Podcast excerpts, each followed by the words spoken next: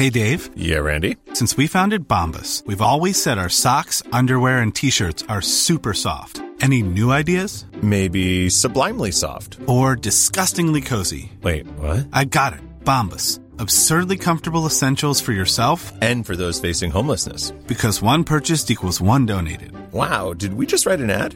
Yes. Bombas. Big comfort for everyone. Go to bombas.com slash ACAST and use code ACAST for 20% off your first purchase. Quality sleep is essential. That's why the Sleep Number Smart Bed is designed for your ever evolving sleep needs. Need a bed that's firmer or softer on either side? Helps you sleep at a comfortable temperature? Sleep Number Smart Beds let you individualize your comfort so you sleep better together. JD Power ranks Sleep Number number 1 in customer satisfaction with mattresses purchased in-store. And now save 40% on the Sleep Number limited edition Smart Bed for a limited time. For JD Power 2023 award information, visit jdpower.com/awards. Only at Sleep Number stores or sleepnumber.com. Hallå! Simon Gärdenfors heter jag och snart börjar min podcast Arkivsamtal. Det finns 52 minuter till av det här samtalet som ni snart kommer att höra. Jag har börjat med en ny grej att varje vecka, eller i alla fall så ofta som det går, släppa ett bonusavsnitt av Arkivsamtal som är exklusivt för Patreons av podden. Så blir du avsnittsdonator, skänker en valfri summa, så ligger det över 20 avsnitt och väntar redan. Som du får tillgång till. Så det är klart värt det. Om du bara vill stötta den här podden så kan du också swisha en slant till 0760 72 47 28. Länk till detta finns även i avsnittsbeskrivningen. På lördag den 21 november så kör jag stand-up på The Laugh House i Stockholm.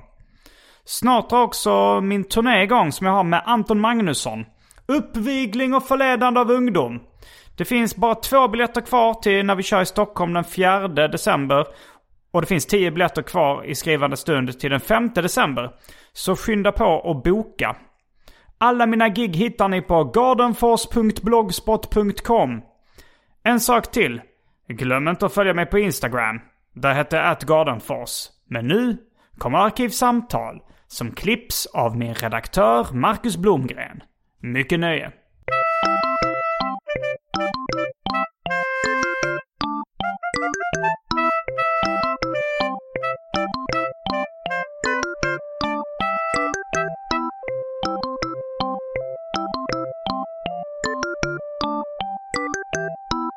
Hej och välkomna till Arkivsamtal. Jag heter Simon Gärdenfors och mitt emot mig sitter Pontus Gustafsson.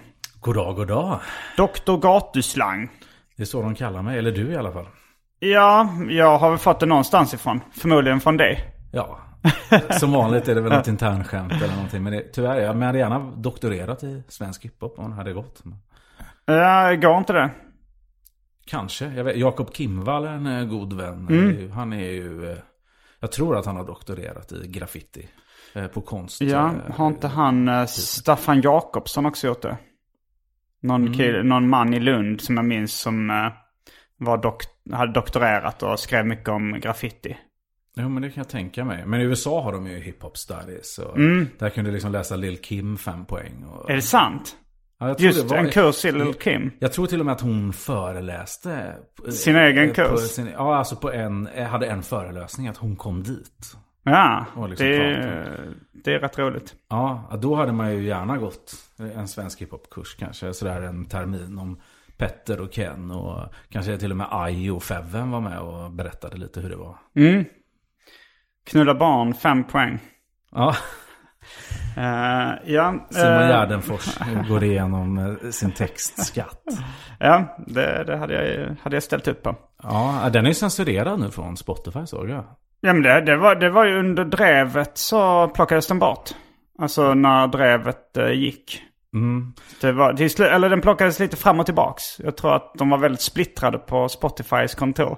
Ja, jag, var, för jag har ju använt den i lite sammanhang här. Du kommer vara med i min serie Gatuslang Bars där du får läsa Mm. den. den var, du var med i Adde Malmbergs eh, eller du SVT-serie Mötet. Där Just du det, får ja. diskutera den texten kring Adde Malmberg. Och då, och då försökte jag ju hitta den här så att jag skulle liksom få lyssna på texten. Och det var ju, den var lite knep att hitta. Mm, är, man, om man vill hitta den så söker man på YouTube Mr Cool Barn. Bara skippa de fula orden. Mr Cool Barn, då hittar du den. Där finns den att lyssna Ja, på. men, men om du skriver eh, hela titeln så blir det svårare att hitta tror jag. Jag tror att du kommer runt, uh, kom, du, kommer runt liksom fällorna ifall du skriver bara Mr Cool Barn på YouTube. Ja, det är på tapeten här med cancel culture nu alltså. Mm. Det, för jag såg att Joe Rogan hade gjort någon intervju med någon känslig person. Jag är, inte- jag är inte så insatt, men det har ju blivit eh, ett uppror där på Spotify. Och de vill ju ta ner något avsnitt som han har gjort där. Mhm. Och det är ju världens största podcast. Ja, vem var det han har intervjuat? Det var inte Alex Jones? Jo, det kan det ha varit. Okej, för jag såg... Någon eh, blandad liksom, konspirationsteoretiker Mm. Mm. med, har han någon rasistisk eh, agenda? Jag har dålig koll. kanske? Jag googlade faktiskt Alex Jones idag för det var så många som skrev om honom på sociala medier. Så eh, jag har dålig koll. Ja, men det går ju att ta ner ett, ett avsnitt i så fall om det skulle vara något. Man behöver ju inte ta ner allting med Joe Rogan och bojkotta Spotify kanske. Nej, det är, det är kanske en annan podd om cancel culture. Ja, Fast men- det, det kanske hade varit ett intressant avsnitt. Men den här Eh, kan ingen cancella det här avsnittet, eller hur? eh, Jo, säkert. Vi får se vad vi kommer in Ja, det var på. fan vad vi, vad vi Ja, men då- säger och gör. Men då är det iTunes man får gå till då? Eller vilka får man, om man ska cancella det här? Eh, jag vill inte ge folk några idéer. Ja, vi får se vad vi kan plocka upp för smutsigt från svensk hiphop-historia här då. Ja. Men eh, var, eh, ja för, för det är det vi ska prata om. Du, eh, du är kännare av svensk hiphop i, om man ska sammanfatta allting. Eh, och vi har det här, vad blir det, fjärde avsnittet? Som vi pratar om svensk hiphop. Ja. Eh, och frågan är då, var lämnade vi lyssnarna sist någonstans? Vilken del av den svenska hiphop-historien? Vilket årtionde? Ja, jag sappade lite i avsnittet på Mm. vägen här. Och då pratade vi om Ayo. Okej. Vi pratade om Snok. Mm.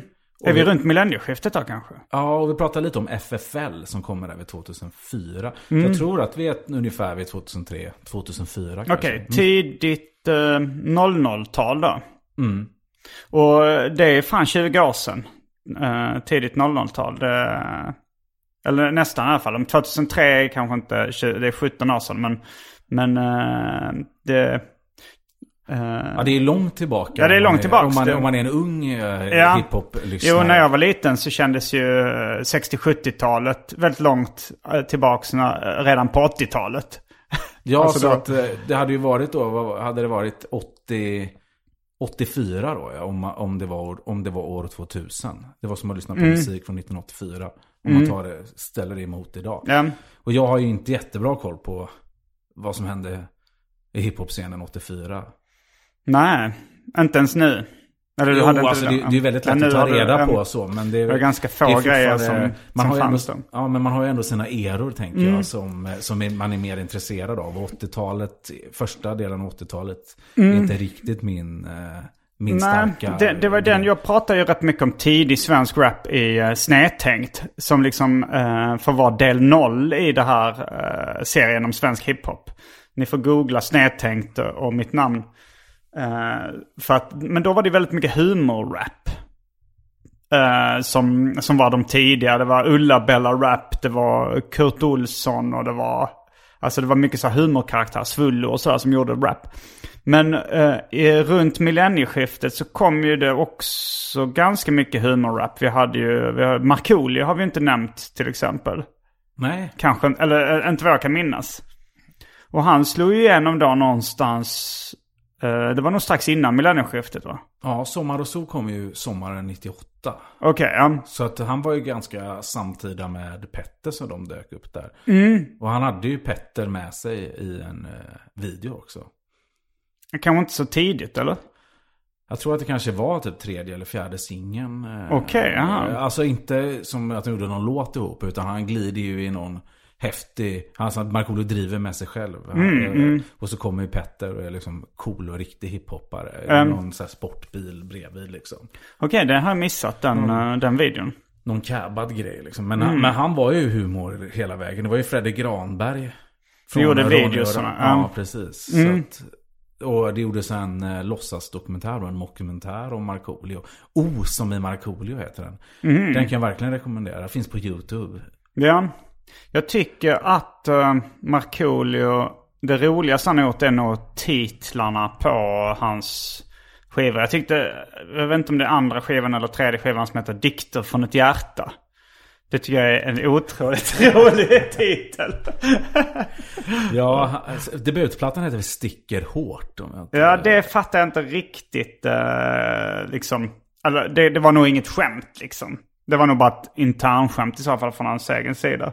Men, eh, men jag tycker att Dikter från ett hjärta, då kommer jag ihåg att jag bara... Jag, jag tyckte väl inte Markoolio var så jätterolig. Eh, jag var ändå liksom eh, i 20-årsåldern när han var som störst. Eller när han slog igenom. Eller 19 i alla fall. Men, eh, men sen så när just den kom så, eh, så kom jag ihåg att jag tyckte det var kul. Men alltså Dikter från ett hjärta. Sen såg jag nu häromdagen eh, då hans det fanns någon annan skivtitel som jag också tyckte hade en väldigt rolig titel. Alltså det är det här. Jo, det var I skuggan av mig själv. Just Alltså det här där han är ironiskt pretentiös. det tycker jag är, är väldigt roligt. Jag är konst, där går han lite över ironigränsen tycker jag. Att det blir för uh, tydlig ironi. Dikter Ja. från ett hjärta är också ganska Och, tydlig då, och ironi. det där med ramen va? Är Ja det konst. vet jag inte. Sen kommer jag är Markoolio. Men, men eh, i skuggan av mig själv en, är, ja, men det är ännu mer subtilt än dikter från ett hjärta. Ja, alltså är det en referens till Latin Kings i skuggan av betongen under de Det här? kanske det är. Då tycker jag inte riktigt det är lika kul. Ifall det bara, alltså, eh, alltså ifall det bara är att han, att han är ironiskt pretentiös så tycker jag att det är, då, då, Fast det är lite roligt också för då är det som att Latin Kings kommer där och liksom bara lyfter hela sin ort. Och liksom så här betongen, här har vi liksom i skuggan av den här. Mm. Och så kommer Markoolio bara, jag är också från, han är också från Orminge som är den liksom hårdare delen i Nacka eller vad man ska Mm, säga. Så, så kommer han där och bara är liksom i skuggan av sig själv, han bara skiter i betongen. Ja. Liksom, och, Jo, eh, jag håller inte med om att det är roligare då. Jag tycker, jag tycker, I så fall tycker jag dikter från ett hjärta är roligare. Ifall det bara är en slapp eh, ironi över en pretentiös titel. Men, eh, men kom det någon annan? Balsam Boys kom ju lite senare också. 99-2000. Aha. Här, här kommer sommaren. Okej, så det var, det var så tätt in på Markoolio. För den påminner ju rätt mycket om Markoolio i... Eh, det var kanske inte lika uppenbar humor. Nej, jag tycker då nästan att Balsam Boys påminner mer om just det. Ett Ja, i och för sig de rappar ju väldigt likt just det. Deras flow. Ja, och dialektalt också väldigt. Mm. eh, Väldigt samma. Har du förresten lyssnat nu på de viktiga skornas eh, variant av Balsam Boys? Det har jag faktiskt glömt. Ja. Det skulle jag ha gjort en stund. fan med vi pratade om det i ett tidigt avsnitt. eh, Det är de som gör uh, Music Journeys Podcaster. Det vill säga Jo, Färska den har Prinsen. ja, ja, när de rappar på stockholmska. Ja, ja. ja, ja visst. Jo, Den lyssnade jag ju på. Eh, var här kommer sommaren igen. Alltså de släppte det för, för något år sedan. Men eh, de kanske började dyka upp.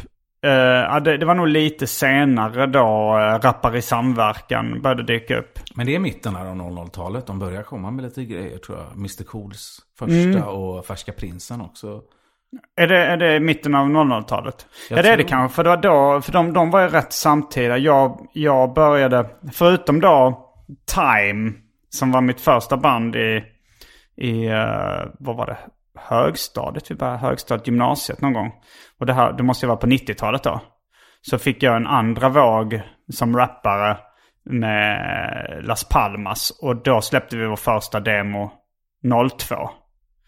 Så, och, och sen kommer jag ihåg att Rappar i samverkan, eller då, då kanske de inte hade det samlingsnamnet men man började se, kolla på wow.com och eh, eller wow.nu hette hemsidan. Originalet är ju .nu. Vissa, Okej. vissa som kom senare, för vi reggade ju .com också. Så att, eh, alltså vi, var du inblandad så mycket att du var med och reggade?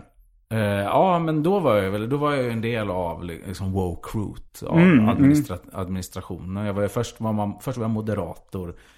Eh, Och, då, och då hade man ju specifika forum. Då var det så här, du kan bara ändra i graffiti. Mm. Sen blev man admin, då kan man ju göra allt. Då kan man ju gå in och ändra Mm. Så du, hur många var ni som var admins? Alltså, det var nog två till tre moderatorer per, eh, per eh, forum. Och sen så var det kanske, var vi 20 admins kanske? Oj, det är rätt mycket. Men, men wow, det var nog mitt första liksom sociala medium skulle jag säga. Eller uh, mitt, det första, för det, det, det, jag var aldrig med på, jag körde aldrig med MSN och jag, jag hade inte... Uh, inte ens det judiska ICQ hade du? Nej, det hade jag inte. Och det är väl rätt mycket som är ljud och Facebook judiskt också om man ska... Ja, okej. Okay. Nej, men jag vet att för det var många som äh, fick för sig att man skulle bojkotta då ICQ. Mm. För, för att det var eh, judiskt då. Om man kom från vänsterrörelser och ville stötta, stötta Palestinas mm. kamp då. Så, ja, skulle, så, skulle det... man inte, så var det, gjordes det olika listor kommer jag ihåg. Det låter extremt. Men wow, nej men jag hade inte heller, uh, vad hette nu det som väldigt många som uh, är födda på din... Playahead uh, eller Lunarstorm? Ja, det var Lunarstorm jag tänkte på. Jag känner mig lite för gammal för det. Men wow, då märkte jag så här, men det är ganska mycket hiphoppare i min ålder som har det liksom. Där kände jag mig mer hemma. Och sen så var det mer att det kretsade kring specialintresset hiphop. Men när startade wow? 2000, 2001. Okej. Okay. Där är, vad hette Backlash först. Men det mm. var ju mycket ungdomar. Jag lyssnade på en, eh, en gammal battle. Vi höll på audio-battlade och höll på att dissa varandra. Mm, folk spelade in låtar. Och, och, och, då la jag så här, du, om det var typ 22 eller 23. Så här, du är 23 år och hänger fortfarande på wow. Drog jag någon sån rad. ja, och, och jag var kanske 22, 23 när jag började hänga där. Vilket och jag ändå... kände mig gammal då. Men, men det var ju så här liksom, jag såg ju så liksom att Öris och Kalle Katt och de hade användare där också. Liksom att det var... Uh, och i alla fall Öris är ett år äldre än vad jag är. Så det kändes ja, som, okej okay, det är inte bara. Men jag kommer ihåg också att det var rätt mycket barn där som var liksom, man läste vissa forumtrådar och tyckte oj, det här är ganska låg nivå. Folk är väldigt unga och, och dumma här. Men just att internet hade en sån ungdomlig period. Mm. Du skulle aldrig kritisera en 22 eller 23-åring idag för att de hänger på ett internetforum. Nej. Alltså, alla hänger ju, alltså ja, ja, 60-70-åringar det, tog ett tag innan, eh, Men det tog ett tag innan uh, gamlingarna skaffade uh, sociala medier. Uh, alltså som, det, jag känner att det var väl, det var väl lite, mycket, det, var väl lite det som liksom gjorde att en viss typ av drev blev stora också när gamlingar fick Facebook. Och mm. kunde liksom organisera sig och bli arga över, över kultur de inte förstår. Ja, precis. Och sen så kom det ju in i ner, alltså Tänk Petter Ken-rapparen och så. Ken mm. var ju mm. väldigt aktiv, hade sitt egna forum, Barabbas mm. till exempel. Men många av de här storbolagsartisterna, de behövde ju inte de här forumen för att promota sin musik. Det behöver de ju idag. Petter är ju den mest aktiva svenska hiphopparen av alla på Instagram. Mm. Eh, nu när liksom skivbolagen har dött. Så att du behöver, nu behöver det ju verkligen finnas där du ungdomar. Mm, jo, men människor. det är väl det lättaste sättet och billigaste och bästa och lättaste sättet att marknadsföra någonting på. Är nog via sociala medier idag. Uh, men, men det, liksom, det var wow. var ju rätt intressant då. För mig i alla fall för att det var det första sociala forumet jag hängde på. Vilka var de här Stuck och Hauser som grundade wow? Rent som personer? Ja, känner du dem eller vet ja, du Ja, absolut. Jag, mm. Jag var faktiskt och uh, käkade med Marcus här. Det var inte så länge sedan. och det är en... Hauser då. Okej, okay, uh, vad, betyder, han, vad betyder Hauser? Han, ja, bra fråga. Mm. Det kanske man skulle, du kanske ska ta med honom hit och dra storyn. Men han är ju en, en tvåbarnsfarsa som bor i uh, Solna, bor han väl nu. Men han mm. är ju uppväxt uh, i Stockholm. AIK-fan, Vasastans grabb. Liksom. Han och Ola har ett företag som heter Alternative 2. En idag som är onlinebaserat eh, hemsida där du kan få alternativ till typ ett program. Om du säger jag gillar eh, iMovie men jag vill hitta något annat gratisprogram. Så mm. kan du bara söka det så får du en lista på alla alternativa program. Okay. Som, och så kan man ladda ner. Typ som mm. download.com, lite samma stuk. Så. Och där jobbar också Ola då, Stack. Mm. Han har ju blivit farsa till sin första parvel där och bor i mm. Göteborg. Masthugget, om jag inte är fel. Men de bodde, inte, de bodde inte i samma stad. Det var liksom en internetbaserad uh, grej redan från början. Ja, för Ola är från en liten håla i uh, Småland. Mm.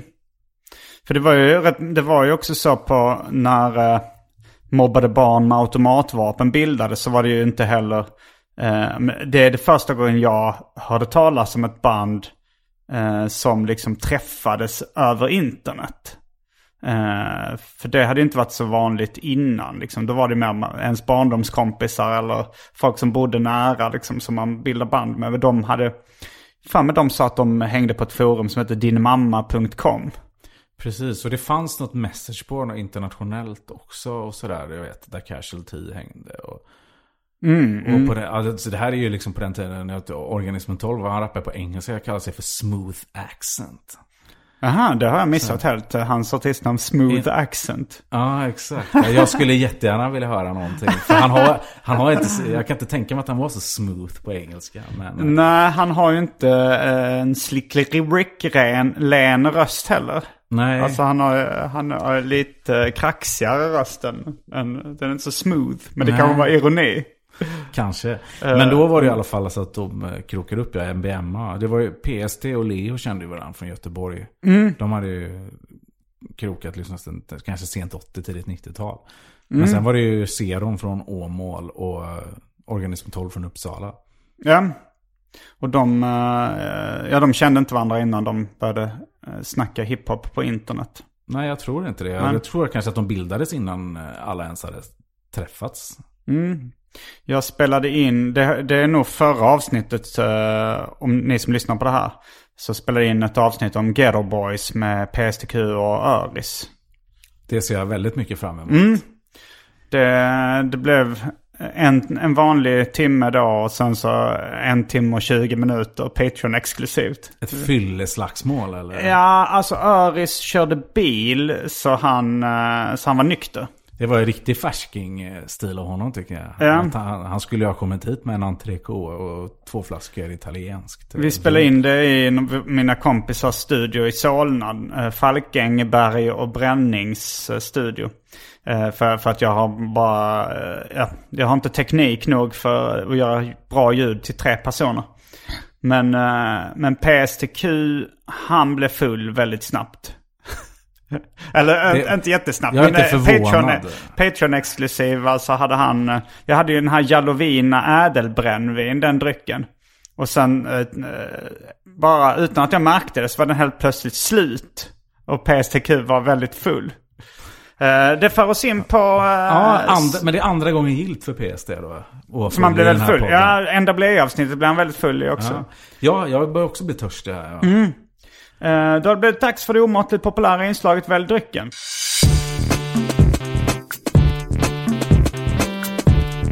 Jag tror vi börjar med det fasta inslaget Välj drycken! Och här kommer alternativen.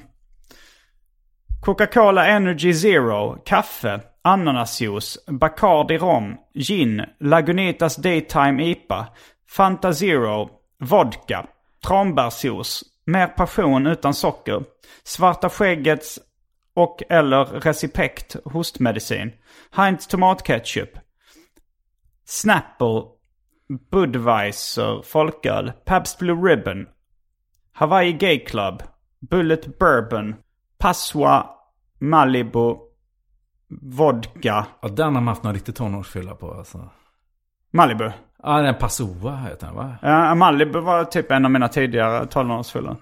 Uh, gin to... Nej, bara gin. Nej, gin tonic. Jag, tonicen är slut. Och sen så har vi häxblandningen, det vill säga alla drycker som fanns i min kyl innan ni genomgick en så kallad corporate rebranding. Och för tråkmånsar och nejsägare, vatten. Ja, jag tog ju den här Cola Energy och ketchup förra gången. Mm, Eh, men vad var det? Det var någon med passionsfrukt eller? Ja, mer passions... Alltså, du vet, mer drycken. Ah, mer passion. Ah, nej men jag skulle kunna tänka mig en Pabst Ribbon. Det Pabst Blue Ribbon. det, är- det är amerikansk bärs. Mm, absolut. Och eh, jag skulle även kunna tänka mig en ananasjuice-drink med någon sprit. Oj, oj, oj. Ja, men det låter, det låter gott. De måste, jag, jag tänkte först uh, köra alkoholfritt. eh, eh, jag försöker eh, vara lite nyttig nu, men jag tror inte riktigt jag kommer kunna hålla mig om jag ser det med två väldigt goda drinkar framför mig. Jag Nej, måste men en, nog en dricka- tvåa kan du ju ta. En tvåa ananasvodka. Eh, ja, jag tar nog ananasjuice och uh, rom då kanske. Ja, ja men Eh, jag, och jag så gör det jag- enkelt att ta Ja. samma eh, ananasjuice. Då kör vi varsin ananasjuice och rom. och så kanske en varsin Pabst Blue Ribbon. Magiskt. Då är vi strax tillbaks med dryckerna kända från det omåttligt populära inslaget Välj drycken. Häng med!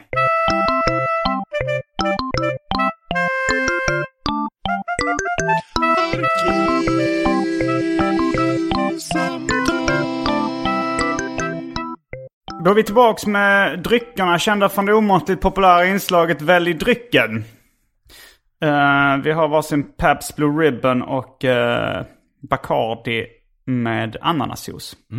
Smaka på den här Bacardi ananasjuice. Vet jag inte om jag har druckit någon gång. Nej, det, det är ju lite som en piña colada utan eh, kokos då. Men det var, inte, det var inte så spritigt så det var Nej. skönt. Men jag tror faktiskt att piña colada från början inte hö- innehöll kokos heller. Att det här är en original piña colada då. Ja, då, för att hylla Markoolio som gjorde det, och bada i Pina Colada. Just det. Och då är det old school piña colada. Mm. Men Pabs Blue Ribbon vet jag inte om någon har rappat om. Den känns ju lite mer som en vit, eh, eh, vit eh, öl. Alltså om man ska snacka hudfärg och USA. Eh, jag vet inte varför det är så. Det känns ju mer som redneck-grej än en uh, afroamerikansk grej. Ja. De är ju mer inne på malt liquor och ja, men exakt. de men där där, afroamerikaner som grupp. Där har du ju tips från mig. Det är, nu är kanske inte Far och Son aktivt, men eh, där ni bara rimmar olika drycker på varandra hade ju varit riktigt Just det, eh, det nog varit rätt bra.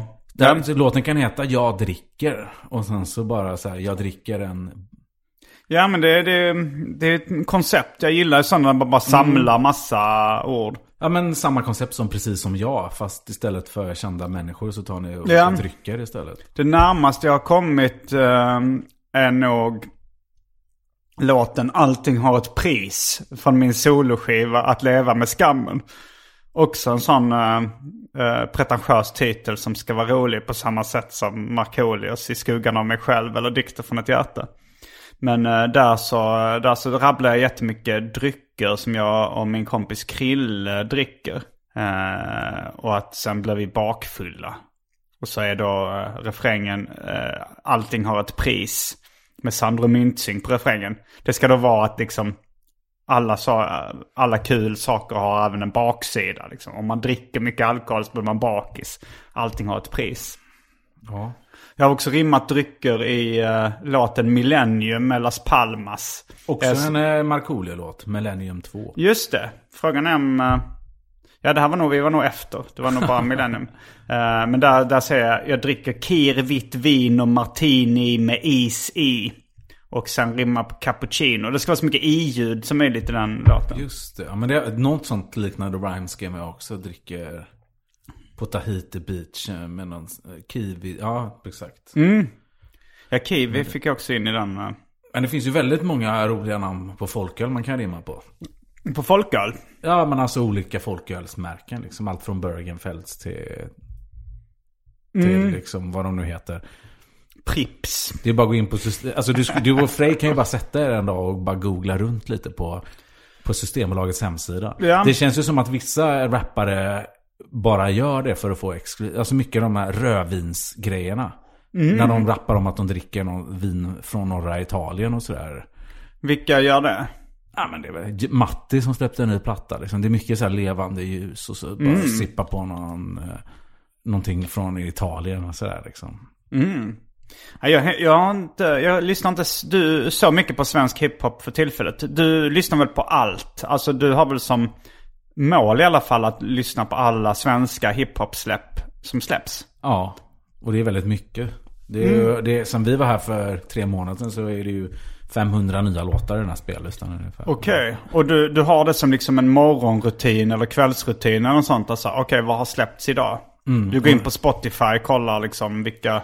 Ja, skannar av Insta. Kingsize brukar droppa något på fredagar sådär, alla nya släpp. Eh, Så man kan även snatta lite därifrån. Och sen så får jag ju massa mail och folk som skickar DMs. Och så försöker jag Okej, lägga ja. in det liksom löpande. Så det är en tio låtar om dagen eller? Ja, vad kan det vara? det beror, alltså fredagar kan ju vara rätt hysteriskt. Mm. Så, då, så då behöver jag, nu har det varit så mycket i mitt liv så jag har inte hunnit liksom sätta mig. Men jag ska ner till Skåne nästa vecka. Då man ju, har man fyra timmar ner på tåg till Kristianstad och sen fyra timmar hem. Okej, det går ja. liksom åtta timmar svensk hiphop där tur och retur. Hur, är det, är det tråkigt eller är det... För det känns lite som en fix idé. Ja, jo. Um, Lite som ditt kylskåp. Ja, att det är väldigt ordnat. Jag, jag har mycket fixidéer för mig. Alltså jag, jag har ju drag av OCD, eller OCPD. Eh, så jag, jag förstår ju verkligen ambitionen. Men jag tänker att det är nog att det är ganska mycket som låter väldigt likt varandra. Ja, men Väldigt mycket framförallt... som är låg kvalitet. Ja, och det, är väldigt, det börjar bli väldigt svårt att avgöra genre Mm. i hiphop nu också. Eftersom det är så många, så här, vad ska jag lägga in afrobeat? Eller om Molly Juan gör en reggae-låt, ska, Just det, det, ska mm. den med för att han var hiphop in? Och liksom ska, ska, ska jag börja separera trap? Eller ska jag döpa? För ett, år, ett år hette det urban, så att jag fick in allt. Ja, mm. Men så nästa år kanske jag skalar av det och bara Men ska jag bara lägga in så här boom bap eh, runkeri i den här listan? Äh, men du vet så här, vad, Ja. vad, vad Ja, det platsar det är i en sån svårt. lista? Så att, Sen gör ju då um, De Viktiga Skorna en låt i veckan i Music Yearnings Podcaster. Det, det är det som är konceptet på podden då. Att uh, lyssnarna uh, kommer med ett förslag vad de ska göra en låt av. Och så nästa vecka så gör de en låt av det. Är alla hiphop-låtar? Ja. Mm. Eller ja, det har, det har funnits någon som är kanske lite mer uh, reggaeton eller något sånt där. Något, uh, Hiphop reggae in a dancehall style Just kanske. det, som Dr. Alban uttryckte det. Har Mm. vi pratat om uh, Dr. Alban? För jag tror knappt att jag pratade om honom i uh, snedtänkt avsnittet heller. Eh, och uh, frågan om vi har nämnt honom. i- han, var, han kanske inte var framförallt rappare. Nej, jag vet att jag och Öris har diskuterat det där för att jag skrev någon gång att eh, eh, det är många som glömmer bort att Dr. Alban är en av Sveriges största rappare genom tiderna. Kanske Ja. den största. Ja, om man är internationellt, ja.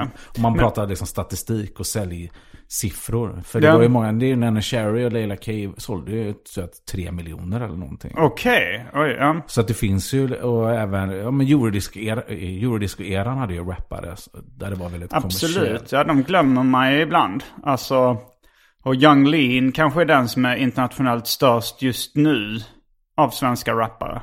Ja, Ja, sen vet jag inte exakt hans streams. Det är möjligt att det Men det är ju så svårt också att avgöra streams mot köpta plattor. För, Ja. att, det, för att du betalar, det är mycket tillgängligare och du betalar inte samma sak. Det är svårt att jämföra. Det är större av Dr. Alban att sälja 3 miljoner plattor 1992 än att få 3 miljoner streams på Spotify 2019. Jo, men är, alltså jag har glömt lite hur, eh, hur hans låtar uh, låter. Är det alltid rap på dem?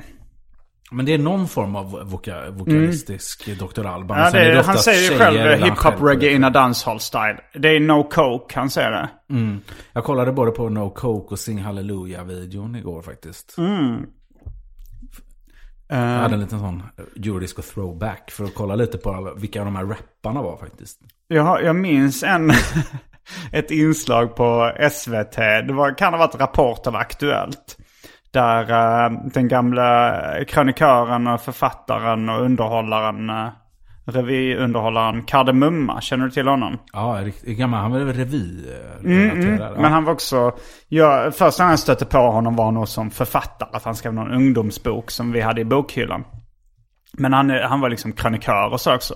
Men när han var riktigt gammal, alltså, så var han med på nyheterna för att han hade börjat med hiphop. Och då var det hans barnbarn som hade introducerat honom för hiphop, eh, sa han själv.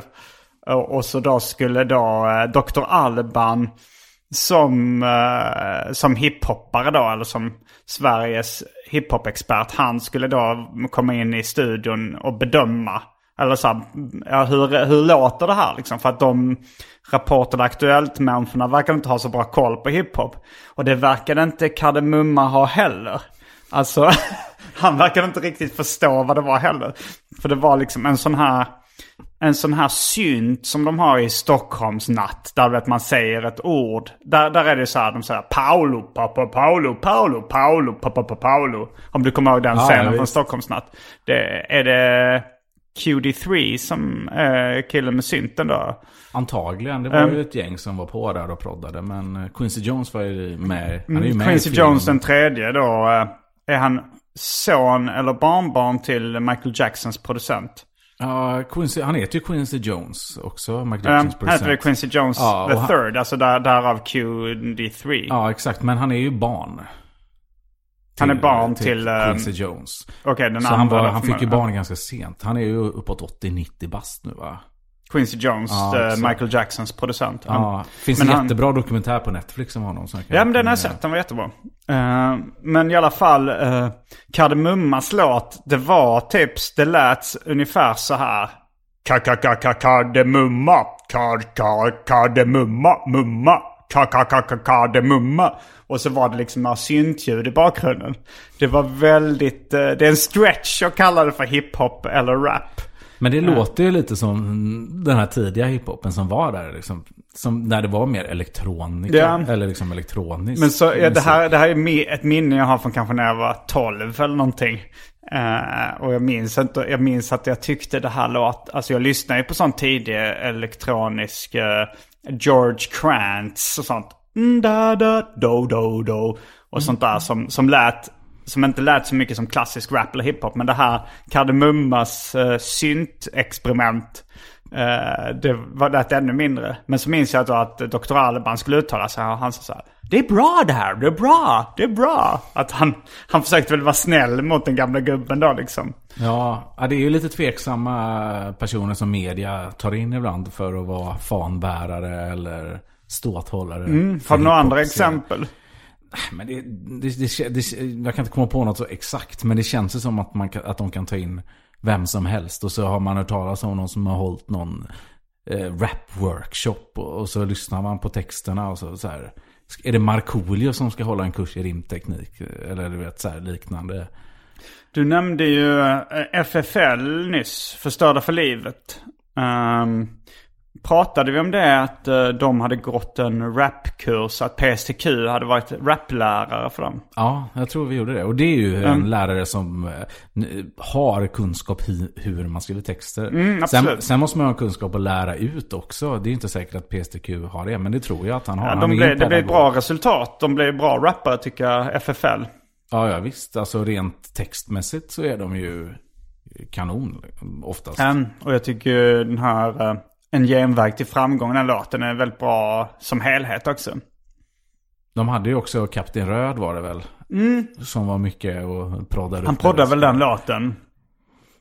Um, vilket eh, kan vara lite... Ja, alltså den, den är ju ganska ironiskt bratty. Men eh, det känns ju som en liten krock politiskt med Kapten Röd och uh, Förstörda för livets uh, brat. eh, Ja, han var ju ännu mer politisk, Kapten Röd. Han gjorde någon Visa ingen nåd, tror jag, hans debut sjua. Och den Mm. handlar ju om liksom att kasta sten på alla de här demonstranterna som fick stryk i Göteborg. På, och liksom så här väldigt... Kasta sten på demonstranterna som fick stryk. Nej, men alltså det, det kastades ju sten på eh, 2001 där i Göteborg. Ja, eh, ja, just det. Och det var ju Hannes Westberg blev skjuten i det. Alltså Mm. det var ju väldigt, det blomstrade upp väldigt mycket i texter och musik Mm. på den tiden. Ungefär som, ja, så här, hiphopen speglar det som händer i samhället. Och det var väldigt så här, traumatisk upplevelse för Göteborg tror jag. Mm. Eh, Du är från Göteborg eller? Ja, precis. Bodde du där då under de här... eh, Jag satt faktiskt i try- trygg, tryggt eh, förvar i Gottsunda då faktiskt och tittade på allt spektakel på tv Mm, minns jag.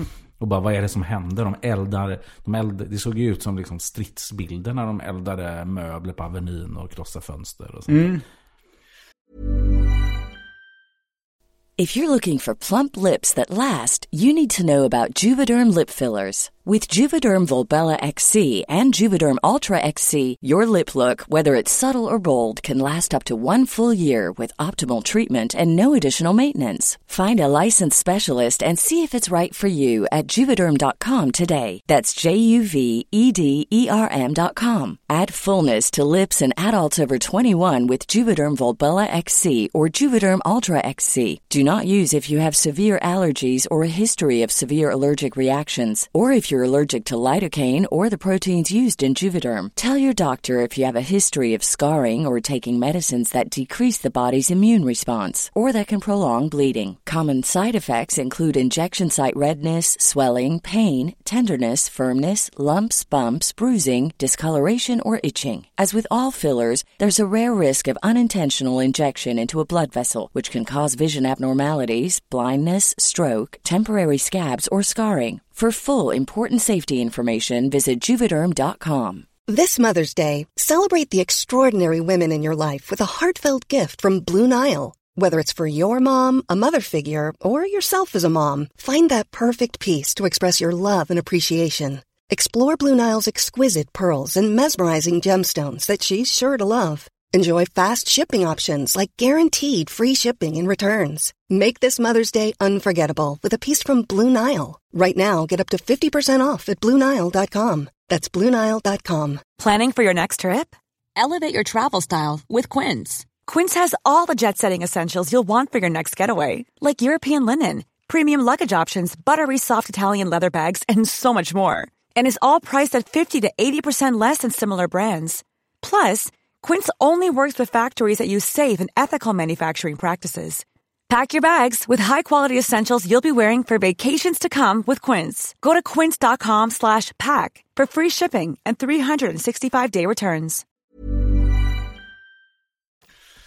Mm, men eh, vad, vad hände sen i svensk hiphop? Eh, mitt, nu är vi någonstans i mitten av eh, 00-talet. Vilka var de stora namnen? Vilka dök upp liksom? Ja, det finns ju framförallt Skånes största rappare genom tiderna. Blåa ju ordent- ordentligt där. Jason Timbuktu Diakité. Exakt. Straight out of Lund. Ja, det är... Ja, jag växte upp... eh, Alltså vi flyttade från Hjärup till Lund. Jag hängde mycket där på Djingis khan i, eh, norr, eh, på Östra Torn där han också bodde. Har jag för mig. Ja, och där var ju också den här Vi gick festivalen. på samma skola till och med tag. Det var en festival där varje år. Bananfesten. Ja, Bananfesten. Mm, ja. den har jag varit på några gånger. Eh, och eh, Timbuktu han började ju rappa alltså tidigt 90-tal, kanske till och med sent. Ja, men jag tänker kring där 80, när 80 blir 90 nästan, liksom, att han greppar micken första gången. Ja. Eh, och liksom släppte demos 95. Och 96 släppte han den här Life Stress. Och sen så körde han den här riktigt underground hiphop-grejen. Du vet, så här, rökte weed och körde do-rag och skitstora kläder. Eh, men han blev ju först folklig där liksom vid 2005. Då släppte han ju den här Alla vill till himlen. Tredje, det. hans tredje album. Mm, jag lyssnade på den här... det är P3 Musikdokumentär här för mig. eh, Släpp, släppte ett avsnitt av, eh, av Timba, om Timbuktu. Där då en, en DJ som heter Jenny är med och blir intervjuad. Som jag dejtade också när jag var typ 20-21. Ja, det var väl nå- hon, hon som plockade in Timba. Ja, för hon var, hon var fem år äldre än vad jag var eller något sånt där. Men det var, det tyckte jag var lite kul. Jag har inte hört Du, henne. ja, för du är, all, du är känd för att gilla äldre tjejer och sådär. Ja, i viss mån. Men eh, ja, precis. Ja, så, eh, men, men Timbuk han blowade ju ordentligt liksom. Och han Ja, var ju en av de var- första som liksom startade de här independent eh, bolaget då med Klas Uggla och eh, Chords var ju inblandad där. Och DDD. Juju Records. Juju Records, ja precis. Eh, släppte ba- jättemycket bra grejer, kvalitet liksom. Promo släppte grejer med Timbuk. eh, Lite, och så Sedlitz-roten släpptes ju. Ja. Och vad hette de? eh, Det var två kill, andra killar från Lund också. Spotrunners. Spotrunners, ja precis. De släppte grejer. Fjärde Världen släppte sin debutplatta på Juju Records Mm. också faktiskt. Så att eh, de hade verkligen så här befäst sig som en, en... Mm. Var en- inte en- um, Organism 12 signad där ett tag också? Jo, han släppte den här Peta på röda saker. Ja, ja, eh, den släpptes på. Juju Och det var ju Records. 2004. Så då är vi precis i den eran. Och det är ju där som eh, skivbolagen börjar få strul eh, ekonomiskt. För att nedladdningen börjar konkurrera. Mm. ut de fysiska exen. Och de får panik.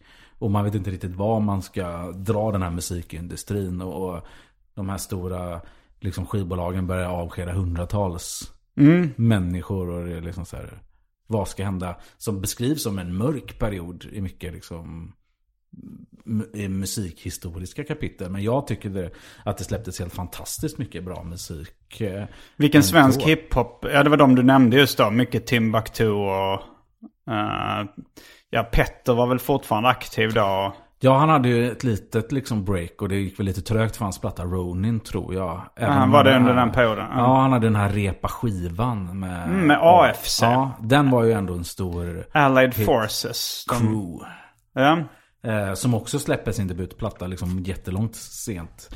Eh, jämfört med hur länge de började. Mm, och de var väl 2006. signade till Petters skivbolag då?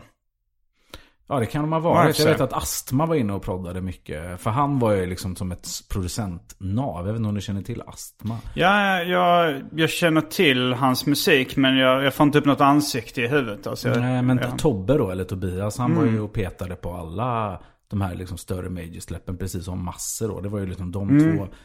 Var, och Break Mechanics då, med Tim Buck. Men där, där dök det upp jättemycket spännande. Och för mig för, som var göteborgare så fanns det en klick som heter Rotten Gotten. Det har jag ett svagt minne av. Vilka Ja. var det? Och det var ett löst kollektiv. Jag, kommer, jag vet inte om jag kommer ihåg alla. Men det är framförallt då Rico One, Glaciers the Icy, Mm. Obnoxious, Alibi som sen blir en del av Medina. Eller det är en del av Medina. Det är liksom Nephilim, en rappare. Det är Palestine. Just det, jag minns Glash, Glacius eller hur det ska Ja, uttalas. och Jason också. Det var en kille som heter J. Jason. Ja. Eh, han stav, hur stavade han det? Med J bindestreck. Ja, S-O-N. Ja. Han är låtskrivare idag. Men eh, för, för Glacius, han hade väl ett kollektiv som hette Blau också? Mm, Eller exakt. Och det, och det var ju tidigare då, vid 99-2000. 98 tror jag de släppte sin första grej. Mm. Och även, eh, jag för mig han också gästade då Down South Ballers. Som var eh, ganska mycket rappare från Lund. Det var Chords, det var Öris och eh, vilka var det med? Och Nicholas L och så. Marcus Axel. Det var de, Just det, de mm. fyra var det. Och de körde rätt mycket liksom, de körde, det var rap på engelska.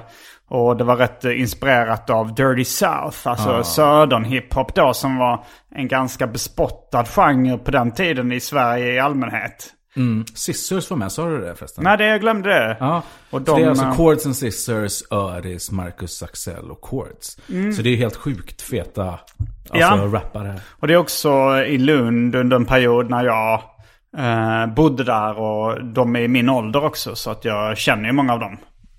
Eh, mer eller mindre nära. Mm. Kanske till och med gjort någon låt med någon av dem, eller? Det är frågan om jag gjort en låt med någon av dem. Kanske, Det- nej, det kanske är närmst då Sebbe då som hade grupp med Öris. Ja, Sebbe och jag var ju med i Time samtidigt och eh, där var även eh, eh, han som kallar uh, Nasir Honestly. Just det. som dog nyligen tyvärr. Ja, jättetråkigt. Mm. Eh, big up till honom och rest in peace. Ja, Eh, men han och Sebbe eh, var ju också, alltså Skåne hiphop-scenen var ju väldigt liten då. Men, Ja. Och Sebbe hade ju eh, grupp, eller den, är väl upplöst, Bröder sinsemellan med Just det. Aris som också började släppa musik där kring mitten av 00-talet. men under den perioden eh, så, så rappade inte jag. Då, hade jag. då var jag ganska fokuserad som serietecknare. Eh, och, och greppade, om vi nu ska använda den slitna frasen, greppade micken. Eh, igen, eh, ja men det var väl då runt 2001. 20, alltså då när vi började spela in grejer med Las Palmas. Så micken i ena handen och pennan i den andra. Ja. jag tror jag gjorde några, några liksom låtar eh, med... Ja, raplåt. Jag skrev nog någon text liksom. Som jag, som jag inte spelade in liksom då runt millennieskiftet. Men det var väldigt lite, väldigt lite rap under den perioden. Ja men det var då, det släpptes väl lite sådana samlingsskivor då också som sammanfattar den här eh, 00-talsscenen. Alltså jag kommer ihåg att Jakten på underorden, eller hette den det? Jakten på Precis. underjorden. Mm, jakten på underorden. Och det, det släpptes Street Zone, eller? Fem volymer, ja på Street Zone ja. Och det var ju ock- också ett annat av de här independent lablarna som kom. Mm. Broadcaster D som sen tidigare hade haft ett band med Ayo. Ett öga rött. Precis, så det var The, the Narcs eller The Narcissist. Det var det. Helly, det. var Organism 12. Eh, Så det här var ju egentligen innan Jojo. Innan, Organism 12 gick Ja, till Jojo men även, eh, det fanns ju på de här samlingsskivorna så fanns det ju även eh, andra artister. Fronda blev väl rätt så stor liksom. Ja, han får ju en megahit. Den kommer väl 2004 men blev väl stor typ sommaren 05 tror jag. Rulla fram. Mm. Just det. Mm. Ifrån, alltså det är ju mitten av 00-talet. Och, Och han hade ju biff med, eller liksom, han bråkade på internet med då mobbade barn och Öris framförallt. ja, De gjorde, det fanns någon sån eh, beef då liksom där de skick, där det var disslåtar som släpptes om varandra någon sommar mellan eh, Öris och, och Fronda. som var väldigt underhållande. på den tiden han kallade sig för TR, T.R. Just det. T-Rex ska det stå i det för. Ja, det, är, det har väl varit eh, väldigt... eh, Jag har hört lite olika förklaringar. Alltså jag tror att den första, det första var att han kallade sig Trey. Efter uh, huvudrollen i eh, Boys... Vad heter den? Boys in the Hood. Där heter han Trey. Så då bara tog han det namnet Trey. Och sen blev det TR och T-Rex och, och sådär. Ja, för på den här South Swedish eh, Ja, just. EPn, då står, det, då står han som T-Rex. T-Rex, just det. Den köpte jag också. Den släpptes på vinyl. Eh, det är South Swede... Punkt, punkt, punkt, ish. Eh, som släpptes på vinyl. Jag tror jag köpte den av Helly Paloma. Eh, på mejeriet i Lund. Hon gick runt och sålde lite vinylskivor där liksom. Som hon var med och rappade på den. Då var det Kalle Katt och Helly. Som senare gifte sig. Ja. Och, eh, Och Lovemark, shoutout till Lovemark som ger en massa kärlek på sociala medier här. Så- Ja, Lovemark eh, var också i min bekantskapskrets på den tiden. Eh, han var också med i Genghis Juvenile tillsammans med uh, Krille Brun som jag är polare med. Som har gästat lite uh, far och son-grejer också. Han sjunger bland annat uh, refrängen till Hyr stället med far och son. Som uh, knuffar på guldskiva snart. Ja, då får vi ta och fira det här. Ja. Arkivsamtal. Ja, men jag träffade faktiskt honom i, mm, i Malmö förra veckan. Han bor i Amsterdam nu. Men, ja, men som lyssnarna hör här, det händer Mm. mycket i underground-scenen då, även om det inte får kommersiellt Ja, eh, framgång. Så är alla, alltså folk sitter hemma och, i sina hemmastudior och kokar ihop grejer, snok, blåa stort. Eh, Ja. Spelat in i, i sin garderob. Folk börjar spela in garderobsinspelningar och får hits Mm. på radio och sådär. just det. CK fick en radiohit också med Rosa moln. Spelades det mycket på radio? Ja, jag kommer ihåg för jag, jag, jag satt och jobbade på eh, Egmont serieförlaget i Stockholm då. Och eh, det var nog runt 2001-2002. Och då kom jag ihåg att vi, jag hade P3 på och, och då spelades Rosa moln med CK. Det var nog efter de hade släppt någon av de här Street Zone Records-samlingarna där de fanns med på. Så de plockade upp den från en av de här skivorna. Och började spela. Var, var, var det med? Det, men det kom andra samlingar också. Uh, alltså gjorde inte Redline Records, gjorde väl ett par... Uh, Precis, men då är vi också lite nästan i förra avsnittet. Ja. Tidsmässigt var det den svenska un- underjorden. Mm. Den kom 2000. Det var, den var den som sparkade upp dörrarna först då. Eller om man, Sidewalk Headliners var ju först. Ja, Sidewalk Headliners har vi kanske inte nämnt. Den kom, men den kom på 1900-talet. Ja, 98 kom Ja, den. och då men- var det Feven, Petter, och Ken. Eller jag vet inte om Petter var med där då. Jo, han var med. Han hade nog två låtar till och med. Mm. Men då var det ju verkligen, för den kom ju efter Petters debut. Den började Mm. göras innan Mitt sjätte sinne. Men den släpptes efter Mitt sjätte sinne, så den blåade väl där på hösten. Så sen så var det eh, ordkrig. Där Skåne fick lite shine för en gångs skull. För det var ju väldigt mycket Stockholms Vem släppte Ordkrig? Det var en samling av eh, olika samarbetspartner tror jag. Jag tror det var Gidappa var med. Mm, Och släppte den. Eh, och, ja, och lite annat folk liksom. Men det var, det var väldigt kul. För det var mycket annat. Och det är även lite Göteborgsgrejer. Mikes of Fury fick vara med. Och, Mm, Ison och Fille kom väl på någon av de här samlingsskivorna också. Eh, ja, jag vet inte om det var Jakten på underjorden eller om det var Underorden eller... Ja, det var den svenska underjorden. Den svenska jag. underjorden, ja det var Redline så. Mm, exakt. Och sen... Men, När var det de släppte sin debut? Ison och Fille. Mm. 2002 kommer den. Mm. Så då är det också ett independent label, hemmalaget då, som Taro startar. Ja, Efter- DJ Taro. Mm. Han har ju släppt ett gäng mixtapes på kassetter. Och sen så Mm. eh, börjar han bygga upp det. Och så samlar han ett litet eh, crew som de döper sig till hemmalaget. En etikett där. Som hamnar under Sony sen tror jag. Men det är Ison och Fille, Paragon. Sabo är väl där från början. Eh, Mm, det som- vet jag som- knappt som- vem det är. Ja, det är, Alltså, jag känner det- namnet, Ja, det är Filles brorsa. Ah, okej. ja.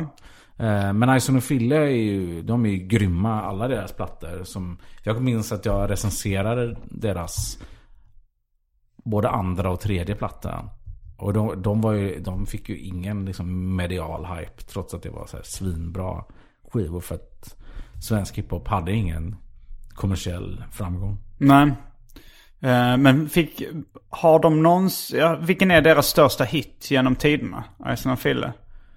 Oj, oj, oj. Alltså, för, för mig, min personliga är ju när vi glider. Men, men, Mm. Just det, den kommer jag ihåg. Det var en rätt är- tidig autotune Precis. äh, refräng i Sverige. Med vocoder som Mm. Masse faktiskt byggde själv. Han berättade det i Mm, intervjun jag gjorde med honom. Så det är väldigt fett att han liksom byggde en sån maskin. Mm. Och gjorde det analogt eller vad man ska säga. Så klassiskt. Inte, det var ju innan autotune plugins var Ja. standard i program. Eh, på typ, eh, ja, i, i2, eller vad heter det? I, ja, musikprogram. Ja. Ja. Cubase och Logic och sådär. Just det. Eh, men eh, den är väl stor. Sen har du ju eh, Länge lever vi är en av de som har blivit stora av de nya. Och sen Sena nätter tomma glas med Veronica Maggio. Jaha, är de med på den? Sena nätter tomma glas. Ja, jag trodde bara det var hon. Men, eh, Ja, hon kanske har gjort en soloversion Ja. också. Men det, men, eh, ja, men det, det var rätt intressant under den här perioden. Nu kanske vi hoppar lite i tiden, men det var ju liksom ZTV och MTV var ju eh, viktiga faktorer för framgång på den tiden också. Vi fick faktiskt eh, in bidragskungen med Las Palmas på ZTV. Så den spelades där. Även eh, Panik med far och son. Eh, Det, nu lite, eh, bidragskungen kanske kom, det här kanske var 05 eller någonting men Panik måste vara lite senare. Ja det är senare, den kom 08. Ja, Mm. exakt. Ja. Men jag tänkte för eh, liksom vilka videos, rapvideos man såg på ZTV och MTV. Det är också lite så här tidsmarkör då. För man kommer, man kommer Lilleman spelades mycket. Eh, pappa, vad heter den låten? Vart tog pappa Vart vägen? tog pappa vägen ja. För han slog igenom, när var det han eh, slog igenom? Ja, men det var 2001 skulle jag säga. Okej, så det var så 2000, tidigt. 2000. Så att man får ju inte glömma att Lilleman var så pass ung. Han var ju bara 15-16. Ja. Och det var, sattes väldigt högt. Alltså jag kommer ihåg liksom, vad folk dissade honom.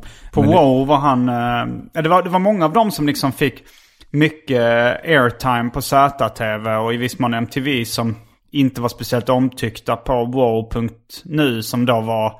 Eh, det var där jag såg diskussionen om hiphop. Eftersom det var liksom vanligt folk eller massmedia diskuterar inte hiphop så mycket. Nej, Men det, alltså- det var ju väldigt... Ja, förlåt, jag dig. Ja, nej, jag tänkte även på eh, Triple 1 som Petter signade. Var inte så populär på WoW. Och vad heter de? Top Notch. Top Notch, ja, Million Pop, pop, pop. Gamla grupp. Eh, Million Star som sen gjorde den eh, Miss Fatty. Som blev en rätt stor hit. Den, um, Miss Fatty Fatty you are murder. Då var det lite mer dancehall. Ja, ja visst. Eller som Organismen och Mofeta gjorde en version. Ey piss, fattig, fattig, vad är lönen? Men, eh, ja, men det, det, var väl, det var väl lite så här um, underground uh, creddigare eh, att inte vara på. För, det, för de, de som liksom kom lite från ingenstans där om man säger. eh, men, som trippel 1 eller eh, Top Notch eller Lilleman som inte hade liksom kämpat underjordiskt lika länge som de flesta på WoW. Eh, så det var väl det som var lite som folk hade problem med tror jag. Men man vet ju inte heller. Alltså, Nej. på den tiden visste man inte hur länge folk Nej, ha- nej, nej, men de hade inte på. Alltså, synts, liksom. De ploppade ju bara upp sådär. Jag tror att de här trippel grabbarna säkert hade hållit på ett bra tag. Ja, det hade de Innan kanske. och, ja, Lilleman hade ju inte kunnat hålla på så länge eftersom man var, var en kiddo. Men lyssnar man på dem idag, även Melinda Vrede var väldigt bespottad för sin tid. Mm. Alltså det är rätt- det fanns ju rätt tydligt kvinnohat också. Alltså det, det var Melinda, Eh, och eh, vad heter hon? Remedy och sånt fick kanske lite oproportionerligt mycket hat också. Ja, och det var ju också för att man hade idoler som dissade. Jag vet att Mm. Organism 12 var ju väldigt så här, dissade Remedy kanske på en två, tre Mm. låtar. Och då var man så här, bara, ah, Organismen, en av mina favoritrappare, han dissar Remedy. Mm. Och då så här, Medan måste- Helly kom undan för att hon var kompis med, eh, med det gänget. Ja, men exakt. Ja, men Och det, det gänget som dissade mest också. För det var väl liksom mobbade barn och Öris och de som var eh, snabbast på bollen vad det gällde dissar på den tiden. Ja, och det var ju... Om man inte räknar äh, rappar i samverkan. De var också rätt bra på dissar.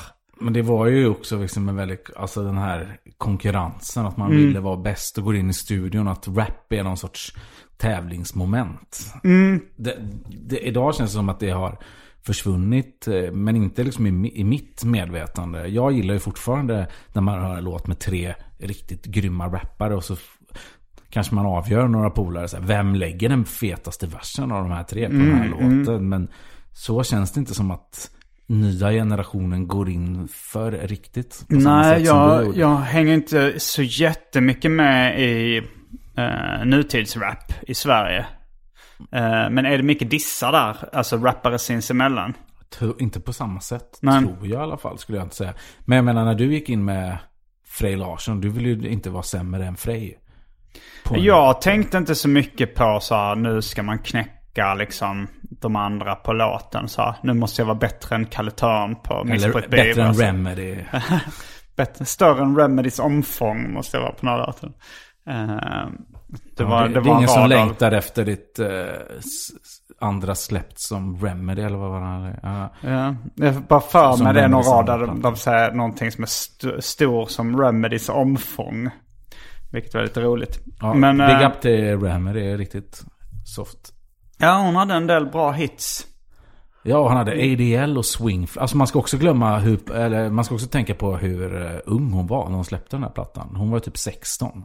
Mm. Alltså så här, liksom dissan tonåring. Hon är typ 82, 83, 83 kanske. Hon Mm. släppte den här plattan liksom 99.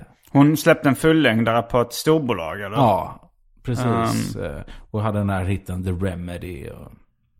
Vi, ja, den kommer jag inte ihåg riktigt. Men, eh, men det fanns ju också de, uh, Goldmine. Kommer du ihåg det, den rapgruppen? Absolut, men då är vi tillbaka på 90-talet. Mm, det är vi. Men jag bara tänkte för att de blev ju rätt stora sen i popgenren. De gjorde, alltså i alla fall, det var väl de som blev Bloodshy och Avant sen. Exakt, det är två av producenterna. Som har gjort liksom Britney Spears och listettor och sånt där. Ja, och den ena äger Toxica stu- Britney Spears. studion här borta på Söder. Den här eh, legendariska. Har spelat in Madonna där. Och, Mm. och Britney Spears. Vi, vad heter den Det studion? var toxic. Va, vad heter den nu då? Eh, Är den vid Hornstull? något iskallt heter den. Jag kommer inte ihåg. Någonting som han... eh, Het, Men är det ett namn på svenska eller engelska? På, det är på... Ja, jag, får verka fram Mm. det här under tidens gång. Men jag, han är väl med Mike Snow också den här gruppen. Just det. Killen. Ja, okej, Polarstudio heter den va?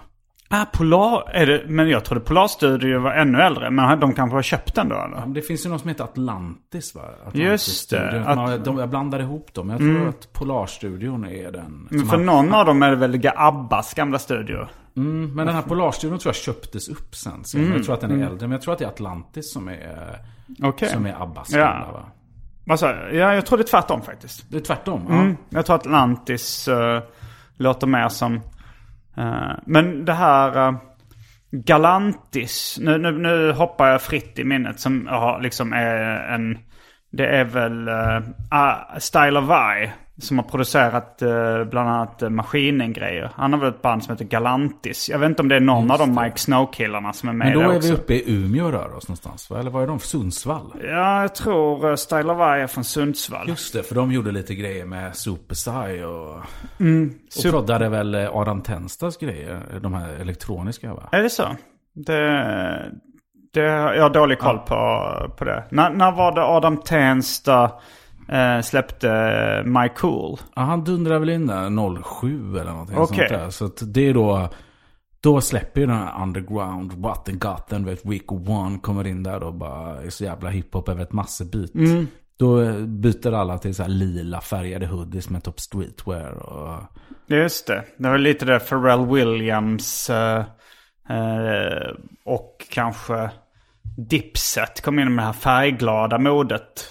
Ja, fast Dipset typ, de var ju ändå så här... De var ju de, hårda, ja, men de, de var ändå fashionistas. Och lite tidigare också. Mm. Alltså Cameron och Joel Santana breakade ju 04 liksom. 0. Och den här Oh Boy kom väl 2002 tror jag. Eller någonting sånt Mm. där.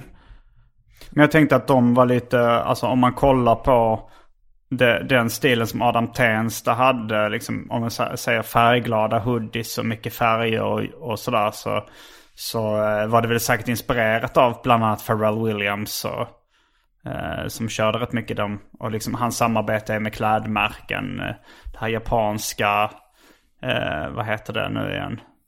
Eh, klädmärket. Eh, Bape. Bape, ja. A Bathing Ape och sådär. Så det, var ju lite det modet som gällde då. Alltså, Ja, så var det ju. Och sen kom ju Kanye med den här Graduation. Ja. Plattan, den som bläddras från höger till vänster för att den släpps i Japan. Och så är det väldigt mycket neonfärger och de här eh, liksom... eh, Shutter shades, Ja, som har som som ser ut- som persienner. Ja, som de här persiennerna vi har. Eh, Men ja, det, jag vet inte, det är någon som kör det. Det känns väldigt föråldrat. Shutter shades nu. Ja. Mm, Det var länge sedan jag sa det Det faktiskt. finns nog på så här plattan på sommar till turist, polska turister. Ja, absolut. Men jag tror vi gör så här då att vi eh, börjar avrunda den, eh, den vanliga delen av avsnittet. Och eh, en ny drive i Arkivsamtal är att jag försöker göra en eh, Patreon-exklusiv varje, varje vecka. Ja. Och jag vill be om ursäkt till lyssnarna om vi var lite, vad heter det, återupprepande. Eh, Kom vi med något, alltså vi kan ha sagt samma, det kan, här kan vara exakt samma Det kan vara exakt. jag tror nog det var Jag ganska bara- mycket namn som vi fyllde i. Det var det, För jag, jag, börjar, jag känner mig, börjar känna mig dement på två, på två månader. Alltså jag är så här, Mm, mm. Ja, när vi får eh, Arkivsamtal eftersnackgruppen på Facebook. Eh, ni får, ni får eh, kommentera alla. Det här, här överlappade ni. ja, exakt. Ja, men jag jag det- tycker det ändå att vi, vi överlappade kanske tidsmässigt. Vi hoppar fram och tillbaka i tiden. Men vi höll oss någonstans runt millennieskiftet. Eller det var så här. Millennieskiftet lite innan. Och, eh, och sen så fram tills kanske i, strax innan 10-talet. Och vi hoppade. Men jag tror det ganska mycket var grejer som vi hade missat också. Som Ja, ja, Dr. verkligen. Alban och sånt. Om vi hade missat honom tidigare så blev det mer Hur en... kunde vi missa Dr. Alban alltså? Ja, jag tror... Det Ja. finns säkert ännu mer, mer grejer vi har helt glömt bort. Men repetition är kunskapens moder. Mm, det sa min franska lärare väldigt ofta. Mm, min också. Just antagligen. franska. Jag tror det, eller om det var ty- eh, tyska kanske. Hade du också Birte Möller? Men franska är så svårt så det måste man repetera. Ja. Det går inte. Svensk hiphop-historia, den ska flyta som vatten. Man ska kunna väcka dig mitt i natten och du ska kunna svara på vad Dr. Albans andra album hette. Precis. Ja, men det, kanske vi ska göra ett bonusavsnitt där vi pratar om olika punchlines. Flyter som vatten punchlines. Det finns väldigt många. Eller flyter Eh, det- som. Fi- Finns det många sådana? Flyter som, ja. Mm, vi kan ju köra i, um, nu är det Patreon-exklusiva så börjar vi där. Uh, med flyter som, uh, med flyter som punchlines.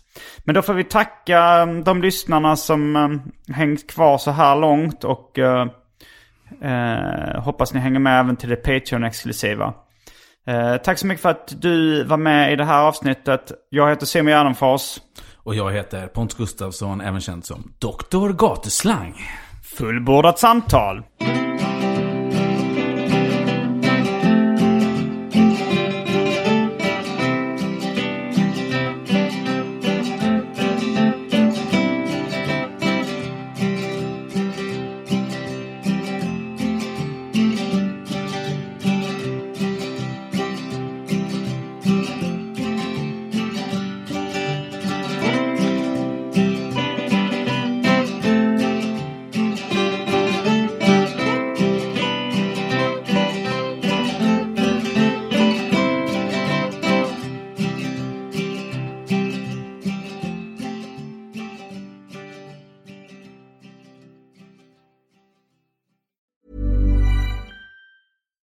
Here's a cool fact a crocodile can't stick out its tongue.